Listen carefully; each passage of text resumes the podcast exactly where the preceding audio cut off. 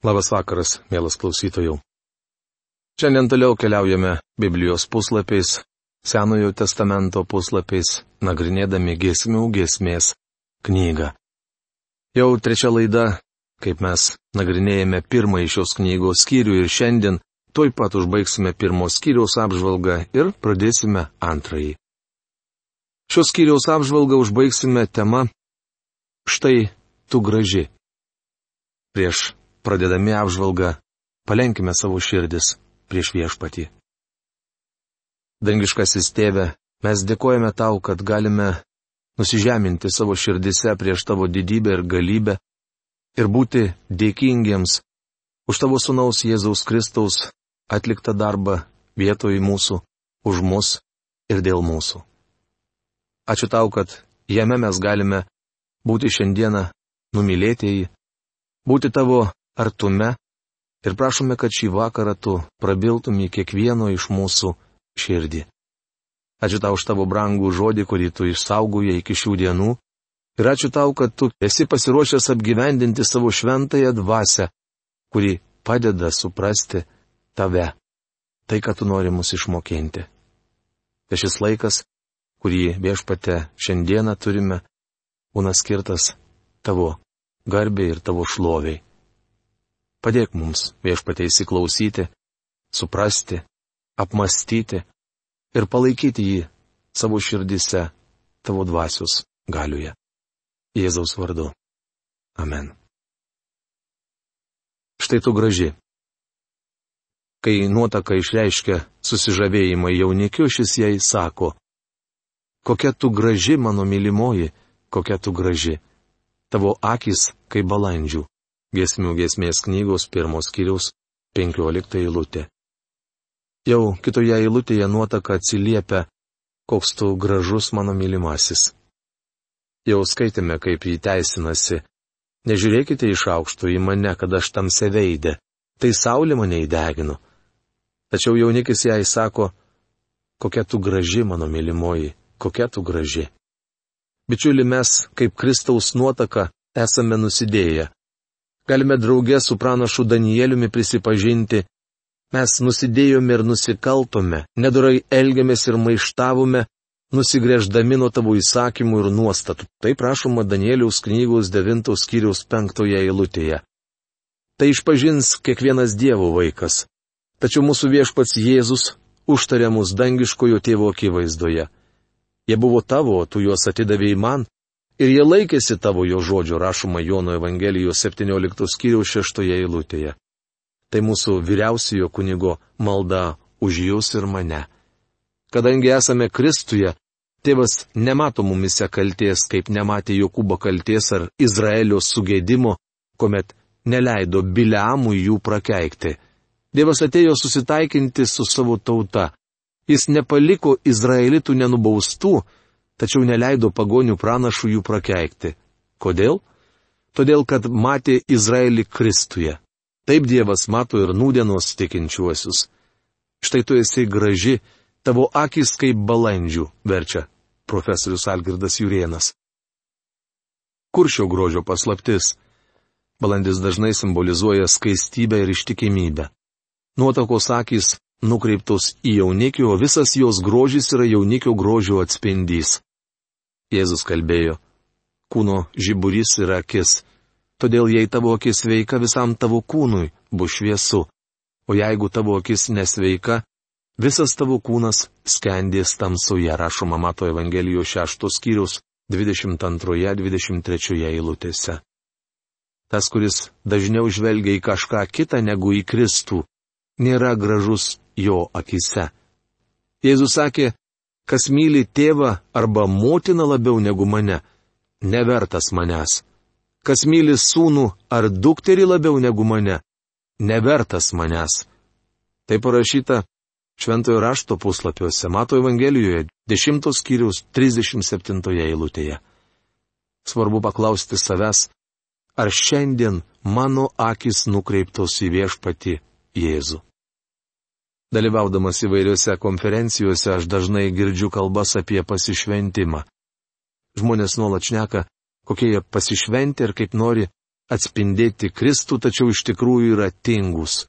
Jų tarnavimas atsainus. Matote, apie pasišventimą Kristui reikia nekalbėti, bet jį parodyti. Jis turi būti matomas jūsų gyvenime. Jei jūsų akis nukreiptos į Kristų, jo grožis atsispindės jumise. Jaunikis pagirė nuotaką, kad ji graži. Dabar nuotaka atsako jam tuo pačiu. Koks tu gražus, mano mylimasis, iš tikrųjų gražus. Mūsų golis pavėsinėje, sijos mūsų namų iš kedrų, o gegnės iš kiparisų. Gesmių gesmės knygos pirmos kiriaus 16-17 eilutės. Jaunikis gražus ir visapusiškai nuostabus tiems, kurie tiki. Augustinas rašė, jis gražus danguje, gražus žemėje, gražus mergelės iššiose, jis buvo šventas kūdikis, gražus tėvų glėbyje, gražus ir jo stebuklai ir rimbų žymės ant jo kūno. Jis gražus aukodamas savo gyvybę ant kryžiaus, gražus kape, gražus prisikėlęs. Taip viešpati Jėzų apibūdino Augustinas, didis Dievo šventasis. Frazę iš tikrųjų gražus profesorius Algirdas Jurienas verčia tikrai meilus. Čia pavartota hebrajiška žodį naim vartoja ir psalmininkas. Gėdokite jo vardui, nes jis mielas, rašoma 135 psalmis trečioje eilutėje profesoriaus Algirdo Jurieno vertime. Taigi Kristus yra gražus ir mielas. Tuomet kyla klausimas, kodėl žmonės bėga nuo viešpaties Jėzaus juk jis toks nuostabus. Antroje Samuelio knygoje pirmos kiriaus 26 eilutėje šis žodis vartojamas apibūdinant pasirinktą žemišką draugą. Davidas apie savo ištikimą bičiulį Jehonataną rašė. Man skaudu dėl tavęs, mano broli Jehonatanai. Labai mielas tu man buvai, verčia profesorius Algirdas Jurienas. Ką mes pasakysime apie tą, kuris nuostabesnis už Jehonataną, Ar galite pasakyti, kad Jėzus yra mielas? Nežinau kaip jums, bet man gera būti su juo. Jis gali suteikti mums atgaivą. Ar viešpats Jėzus tenkina jūs? Dievas tėvas patenkintas juo. Tikrai tu esi gražus mano mylimasis. Tikrai mielas. Verčia profesorius Algirdas Jurienas. Frazę mūsų golis pavėsinėje profesorius Algirdas Jurienas verčia mūsų guolis gausus lapų. Guolis yra gultas. Svečiai įsitaisydavo prie vaišių stalo ant gultų. Ypatingomis progomis, o ypač vestuvių puotoje, gultai būdavo apiberiami gėlių žiedlapiais ir žaliais lapais. Būtent tai galėtų reikšti ši frazė, jei veiksmas vyksta Jeruzalėje. Jei čia kalbama apie tą metą, kai jėdu pirmą kartą susitiko, Guolis gali reikšti žalę pievą, kurioje ganėsi avys. Galbūt mergaitė ir ganytoje sėdėjo ant žolės šalia besiganančių avių ir taip susipažino. Šiuo atveju guolis reiškia bendrystės vietą. Tai primena mums Davido psalmę Žaliuose pievose jis mane guldo. 23 psalmė antra eilutė. Jei avis guli žalioje ganykloje, vadinasi jį soti. Tai atsakas į Kristaus kvietimą ateiti pas jį ir rasti jame atgaivą. Jis kviečia pas save visus, kurie vargsta ir yra prislėgti. Mums paruoštos žalios ganyklos. Mano tikėjimo draugė, jei esate pavargęs ar prislėgtas, eikite pas Kristų, jis jūs atgaivins. Mūdis Stuartas rašė, prislėgtas ir be vilties ieškote ramybės kažkur toli, bet aplenkėte tą, kuris šalia. Kaip Hagara dykumoje nebeturėdama nie lašų vandens, esate pasirengęs gulti ant žemės ir mirti. Tačiau atverkite ausis ir išgirskite balsą. Ateikite pas mane, aš jūs atgaivinsiu. Atmerkite akis ir išvysite šaltinį aplink jį žalę pievą. Tuomet sakysite jam iš širdies. Mūsų golis žalumynuose. Gražus reginys, ar ne? Pamenate, kur gulėjo mūsų viešpats? Vos gimęs jis buvo paguldytas ėdžiuose, o po mirties į Jozapo kapą. Jėzus Kristus pabuvojo ten, kad mes galėtume sėdėti su juo žaliuose ganyklose. Gesmių gesmės antras skyrius.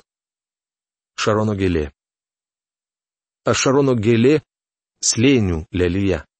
Gesmių gesmės antros kiriaus pirmą eilutę. Anksčiau komentaruose surašęs, kad šioje eilutėje nuotaka kalba apie save. Ji nesigirdama lygina save su paprastomis tuose kraštuose augančiomis gėlėmis. Šie žodžiai nuotakai priskiriami ir kai kuriuose naujesniuose šventojo rašto vertimuose. Noriu pasakyti, kad dabar manau, jog čia girdime ne nuotakos, bet jaunikio balsą. Jei šios žodžius ištaria nuotaka, tuomet jie atskleidžia viešpaties Jėzaus Kristaus grožį. Tačiau manau, kad jog žmogus negalėtų pasakyti, aš šarono gėlė, slėnių lelyje. Taigi mano įsitikinimu tai ne nuotakos, bet viešpaties Jėzaus žodžiai savo nuomonę grindžiu senais angliškais bei prancūziškų, itališkų ir portugališkų šventojo rašto vertimais. Beje, šiuos žodžius Kristui priskyrė ir daugelis bažnyčios tėvų. Kaip jau minėjau, skaitytoje giesmių giesmės eilutėje apibūdinamas viešpats Jėzus. Evangelijos pagal Mata 11 skyriaus 29 eilutėje jis sako, Aš romus ir nuolankio širdies, Jei šiuos žodžius ištarčiau aš, jūs, ar net angelas Gabrielius, tai būtų nenusižeminimas, o paprasčiausia puikybė. Tačiau viešpaties Jėzaus lūpos juos tarė nuolankiai. Kaip žinome, Kristus paliko dangiškąją šlovę ir romiai nužengė į žemę. Taigi čia jis sako, aš šarono gėlė, slėnių lelyje arba kaip verčia kostas burbulys, aš esu rožiai šarono slėnių lelyje. Rožė ir lelyje yra dvi labai įdomios gėlės. Manau, rožė visuomet pranoko kitas gėlės, ypač rytuose. Šarono slėnis driekėsi palei viduržėmio jūros pakrantę nuo Jopės iki Haifus. Man daug kartų teko keliauti per šį slėnį ir galiu pasakyti, kad jis gražus visais metų laikais. Ten gausų įvairių gėlių, ypač aguonų. Jūs tikriausiai girdėjote, kad Izraelyje auginami patys skaniausi citrusiniai vaisiai. Didžioji dauguma jų auga Šarono slėnyje, bet to jame gausų rožių. Šarono slėnyje auganti rožė yra labai graži gėlė. Jie simbolizuoja Kristų. Nemanau, kad rožės visada buvo spigliuotos. Tačiau šiandien net ši įspūdingo grožio gėlė primena mums, kad žemė prakeikta ir želdina usnis bei erškiečius. Taip užrašyta pradžios knygos trečios skyriaus 18 eilutėje. Vienas senovės rašytojas yra pasakęs, jei reikėtų išrinkti gėlių karalienę, jie taptų rožė, yra žemės puošmena, augalų pažyba, gėlių akis, lauko gražuolė. Norėčiau atkreipti jūsų dėmesį į vieną įdomų dalyką. Sakydamas aš esu gyvybės duona, tai prašoma Jono Evangelijos 6 skyriaus 35 eilutėje. Jėzus turėjo omenyje tai, kad jis būtinas kiekvienam žmogui. Duona yra gyvenimo būtinybė, o Jėzus Kristus yra maistas žūstančiam nusidėjėliui. Tūkstančiai mirštančiųjų tikėdami ištiesė nusilpusią ranką ir paėmė duonos. Jie valgė jos ir gyvena amžinybėje. Jėzus dar sakė, aš esu tikrasis vynmedis, tai prašoma Jono Evangelijos 15 skyriaus pirmoje eilutėje.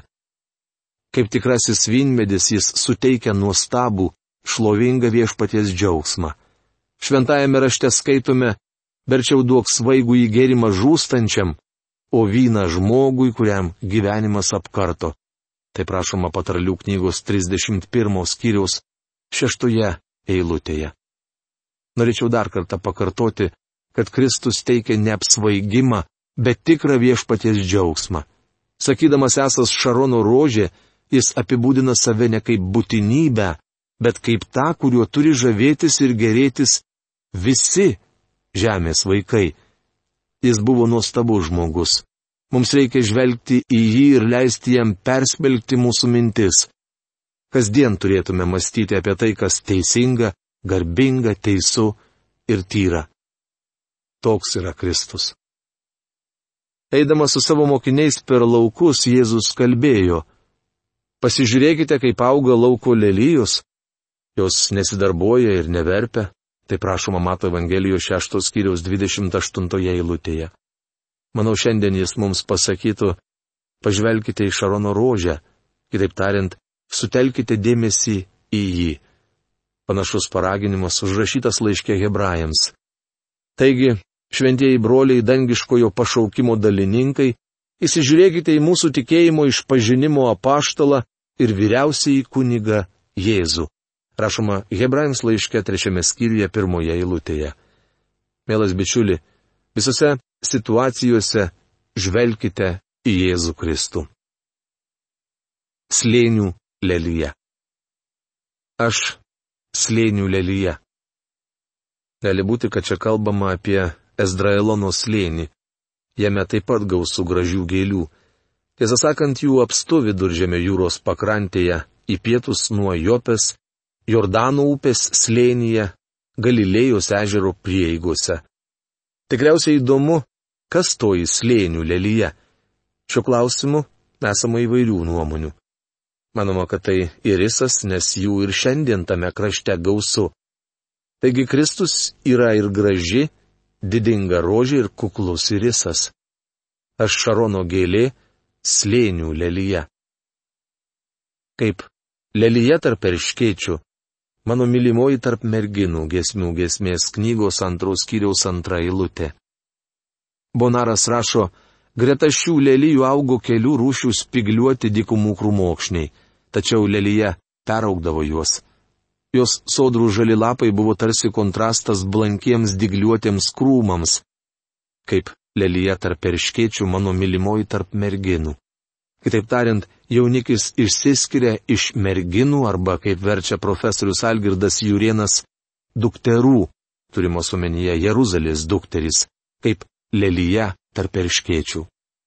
Kristus yra slėnių lelyje, jis tyras, mielas ir gražus todėl ir jo nuotaka atspindi Kristaus grožį. Šiandien bažnyčia turi atspindėti Kristaus grožį pasaulyje, kuris nusėtas usnimis ir aiškiečiais. Obelis tarp miško medžių. Toliau nuotaka lygina savo mylimai su miško medžiais. Kaip obelis tarp miško medžių, mano mylimasis tarp vaikinų. Smagu sėdėti jo paūksmėje, o jo vaisiai man saldus. Gesmių gesmės knygos antros kiriaus trečia eilutė. Obelis tarp miško medžių simbolizuoja Kristų. Galbūt jums įdomu, apie kokį medį čia kalbama. Norėčiau pasakyti, kad iš tikrųjų obelys tame krašte neauga. Manau, kad jos galėtų aukti, tačiau neduotų gerų vaisių, nes Izraelio klimatas panašus į pietų Kalifornijos. Obelis auginantys žmonės sako, kad joms reikalingos šaltesnės oro sąlygos. Skaitytoje giesmių giesmės eilutėje paminėta obelis iš tikrųjų reiškia citrusinį medį, galbūt apelsinmedį. Amerikoje savo sode prie namo auginu tris apelsino medžius. Jie sudaro gerą paūksmę ir labai gražiai žydė.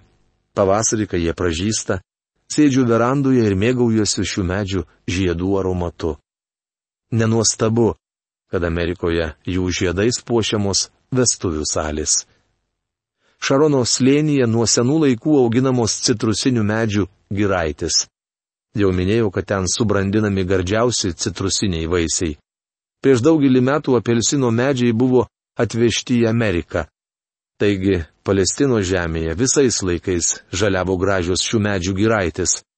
O į Kaliforniją jos buvo atvežtos netaip seniai. Atkreipkite dėmesį, jog nuotaka sako, smagu sėdėti jo paūksmėje, o jo vaisiai man saldus. Apelsino medis sudaro plačią paūksmę. Lyg melžinės uolos šešėlis saulės tviskinamoje šalyje.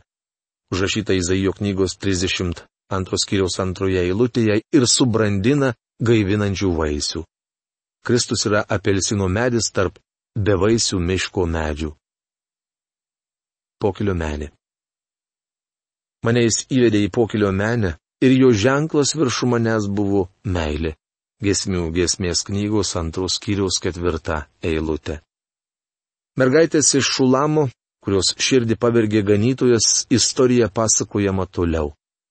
Taigi ganytojas sugrįžo pas mylimąją kaip karalius Saliamonas ir pasiemė ją į savo rūmus Jeruzalėje. Dabar jis įveda ją į pokilio menę. Šiomis gesmių gesmės eilutėmis poetiškai aprašoma bažnyčia, busimoji Kristaus nuotaka. Bet to, ką tik skaitytame epizode, kalbama ir apie asmeninį ryšį, kurį su Jėzumi Kristumi gali užmėgsti kiekvienas tikintysis. Žodžiai maneis įvedė į pokilio menę yra užuomina apie didįjį ateities pokylį, kuris vadinamas savinėlio vestuvių puota. Jūs ir aš, kaip tikintieji, ten būsime Dievo malonę. Tuomet jausime visišką pasitenkinimą. Jau dabar viešpats yra atvedęs mane prie išgelbėjimo ir bendrystės stalo. Jis padengia man stalą, Dievo žodžio stalą, ir sako valgyti iki sotės. Viešpats atveda mane prie gerybių stalo. Jis geras ir maloningas. Vos gimęs, viešpats Jėzus suteikė neapsakomo džiaugsmo tiems, kurie laukia jo ateimų. Kai Juozapas su Marija atnešė kūdikį Jėzų į šventyklą, senukui Simeonui ir pranašiai Onai, tą dieną šventykla virto pokilio mene. Juozapą ir Marijai pokilio menę Dievas buvo atvedęs dar anksčiau Kaip jau minėjome, Marija buvo kilusi iš Davido giminystės linijos. Vieną dieną angelas pranešė, jog ji taps gelbėtojo motina ir jos kūdikis bus šventas. Dar kartą paskaitykime Evangelijos pagal Luką, pirmos kiriaus 53 eilutę. Čia Marija apimta džiaugsmu sako, alkstančius gerybėmis apdovanoja. Palyginus šią Evangelijos pagal Luką eilutę su Saliamono giesmės žodžiais mane jis įvedė į pokilio menę, galima sakyti, kad kalbama apie tuos pačius dalykus. Mielas bičiuli, tai nuostabu. Prisimenate gesmių, gesmės pirmos skyriaus ketvirtoje eilutėje skaitėme, kaip mergaitė maldavo, trauk mane paskui save, bėkime, verčia profesorius Algirdas Jurienas. Jei Dievo dvasia nesuteiks mums išvalgos ir netvers akių, nieko met nežinosime, koks nuostabus šis išgyvenimas. Brangus bičiuli, Dievas yra paruošęs mums puikią puotą. Todėl nepasitenkinkime likučiais, nesrėpkime keulių jovalo, kaip darė sunus palaidūnas. Mielas klausytojų, mano malda už mus visus, kad mes galėtume susėsti prie viešpatės Jėzaus Kristaus stalo. Šiandien jūs girdite pačius nuostabiausius dalykus, kokie tik tai gali būti suteikti žmogui gyvenančiam po saulę. Mes mėgaujamės šventojo rašto puslapiuose atrasdami tą dvasinę prasme, kurią Dievas įdėjo iš tos žodžius. Nuo tos dienos, kada tapsite arba tapote tikinčiuoju, tas pokylis jau niekada nesibaigs. Tas malonumas bendravimo su Dievu per jo žodį ir supratimas, kurį mums atneš, jisai yra nesibaigiantis per visą amžinybę. Jeigu jūs atsiverstumėte Jono Evangelijos 17 skyriaus 3 eilutę ir paskaitytumėte, tai atrastumėte ten nuostabius žodžius. Jok amžinasis gyvenimas yra pažinti jį. Mėlyjeji, jeigu jūs tapote tikinčiuoju per Jėzų Kristų, jūs tapote amžinojo gyvenimo dalininkais. Skaitydami ir studijuodami Dievo žodį mes jį vis geriau pažinsime, o dar tiksliau, pats žodis pažins mus. Ir jeigu mes leisimės, jisai ištiesins mūsų kelius, pakreips mūsų jausmus tinkamą linkme. Ir šita bendrystė, mėlyjeji, net ir tada, kada mes mirsime su jumis šiais kūnais, niekada nesibaigs. Per visą amžinybę mes nesugebėsime pažinti visagalių Dievo, kurėjo, kuris negali būti įrėmintas į jokius rėmus, kitaip jis nebūtų Dievas. Štai prie tokio bendravimo stalo šiandien mes esame kviečiami kartu su jumis. Ar ateisite pas jį? Ar išpažinsite savo kaltes? Ar pripažinsite jo didybę, galę ir pažinsite jo valią? Šis klausimas tegul pasilieka jums apmąstymui. Iki greito susitikimo. Sudė.